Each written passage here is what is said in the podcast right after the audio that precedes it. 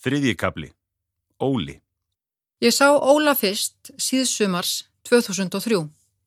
Ég hafði verið að skuttla nokkrum vinnufélögum á skemmtistað sem rekin var það sumarið í póstustrætinu.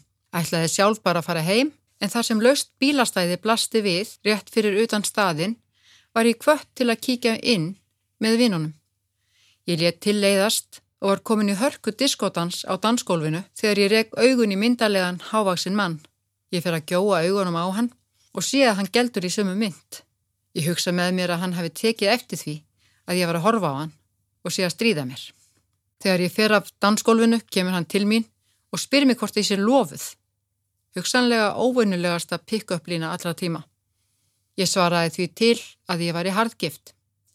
Við spjöldluðum aðeins, hann saðist heita Óli Hand. Nokkrum mánuðum síðar hitti ég kunningjakonu mína úr fluginu. Hún segi mér að vinur sinn sé alltaf að spurja um mig. Vinurinn var Óli og ég viðurkenni að hjarta tók smá kipp. Eftir þetta vissi ég af Óla og sá honum stundum bregða fyrir. Mér fannst hann spennandi en þekkti hann auðvitað ekkert og var þar að auki gift og maðurinn minn var nýgreindur með krabba minn. Það byrti á einhvern hátt til í sálinni minni að vita að þessi myndarlegi ókunni maður væri skotin í mér. Hálfu ári eftir að Þorkjall dó var ég stött í afmæli hjá góðri vinkonu úr fluginu. Þar hitti ég kunningjakonuna sem er vinkona Óla. Hún saði mér í óspurðum fréttum að hann væri fluttur til New York og búin eignast doktor, en sambandið við barnsmóðurina hefði ekki gengið upp.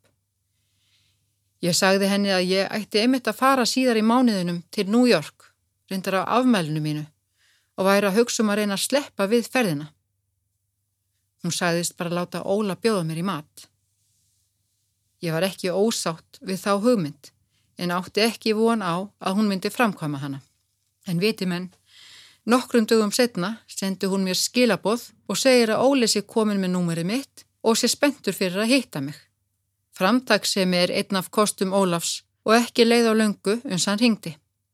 Ég samþykti að hitta hann í New York og frá þeim degi höfum við verið saman.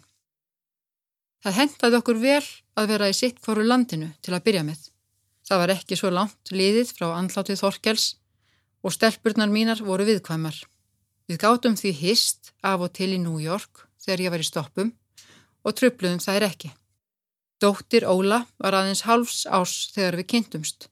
Mér fannst það í rauninni kostur að hann skildi eiga þetta barn.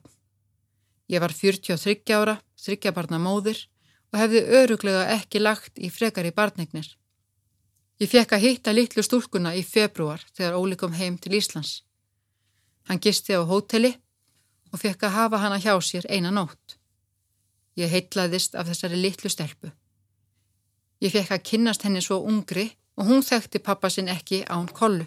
Síðar kynntist hún stelpunum mínum og það reynast henni alltaf sem bestu sýstur.